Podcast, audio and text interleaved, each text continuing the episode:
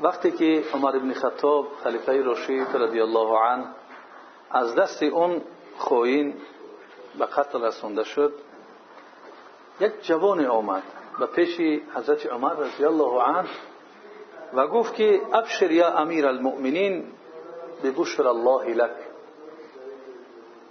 یعنی خبر خوش بیا ای امیر المؤمنین. با اون خبر خوشی که خدا برای تو داده است.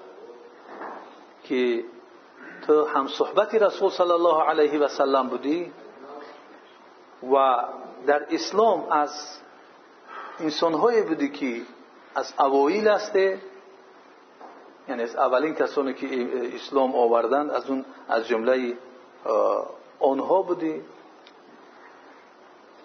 و خودت می‌دونی که در اسلام چی کارها کردی. بعد از آن رهبریت به تو داده شد به تو واگذار شد. عدالت نمودی. سپس شهادت برایت اومد. یعنی ببینید که صحبت رسول صلی الله علیه وسلم از اوایل کسی که اسلام آورده است و رهبریت مسلمان ها بر عهده به دوش او واگذار کرده شد عدالت کرد که عدالت او را نه تنها مسلمان ها حتی کافرها یا اینکه بگیم غیر مسلمان ها در تعجب هستند از عدالت او. او نفر سپس در مدینه خداوند برای او شهادت نصیب می‌کند. شاید اون نفری که این کار انجام داد خیال کرد من عیب رساندم برای مسلمان ها مخصوصا برای حضرت عمر رضی الله عنه. ولی نمی‌دوند که پیامبر صلی الله علیه وسلم در باره شهید میگه که چی می‌خواهی؟ میگه می‌خواهم که پروردگار من رو زنده کنی. باز بروم در راه تو به این مقام نایل بگردم. خداوند میگه باز چی می‌خواهی؟ میگه می‌خواهم که زنده هم کنی. باز برم در راه تو به این مقام نایل بگردم. ده بار میپرسش تنها همین چیز رو طلب دارد. دیگر چیز نمی‌خواد چون نتیجه اون را دید که چی خوب است تنها اون را طلب کرد. و حضرت عمر رضی الله عنه این شهادت برایش در مدینه منوره نصیب گشت. وقتی که این گونه تعریفش می‌کند اون جوان ببینید که این کسی که در مکتب رسول صلی الله علیه و سلم تربیه یافت چی میگه؟ من میگه دوست میدارم که همش برابر باشد نه به فایده من باشد نه به ضرر من. یعنی تعریف زیاد مثلا نکنم. یعنی خدا کند که همه برابر باشد همه نجات بیاون لا لی ولا لا علی ولا لی. نه بر بالای من چیزی باشد و نه به فایده من. وقتی که اون جوان گشت رفتن گرفت.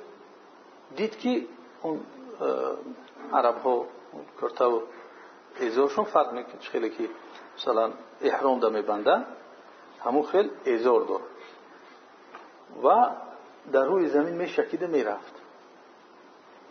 دید حضرت عمر رضی الله عنه او را که زمین رو شکیده شکیده رفته استاده است ایزارش گفت اون جوان گفت اون بچه که گفت بگردونش. پس گفتش که ای فرزندی برادر فرزندی برادرم این پیروهنت رو بالا کن که این برای تو برای پیروهنت پاکتر است و برای پروردگار تقوا ناکتر است. یعنی هم پیروهن تازه هم برای خدا تقوا کرده. در ببینید لحظه که اون زدگی است اون در لحظه های جان دادن است. چیگونه اینها در اندیشه چی بودند؟ قلبی سلیم داشتند که امر به معروف و نهی از منکر را ترک نمی‌کردند. امروز ما صحت سلامت از امر به معروف و نهی از منکر خیلی و خیلی دور است. در حالتی که جان می‌داد این مسئله را ترک نکرد. در این حالت دیگرها چیکار می‌کنن؟ فقط به آهواه خود مشغول هستند ولی در این حالت نگذاشت که یعنی این منکر رد کرده نشد چون پیامبر صلی الله علیه و گفته بود که کسی که منکری رو دید از شما پس آن را تغییر بدهد. بتواند به دستش اگر نتونست به زبانش اگر نتونست به قلبش. و این ضعیفترین ایمان است. پس وقتی که در قلب انسان این کار نباشد برای اون چیزی که خدا بدش می‌بیند در اونجا ایمان نیست. یک چیزی که خدا دوست نمیداره قلب انسان این این کار نمی‌کند بدش نمی‌بیند. پس در اون قلب ایمان نیست.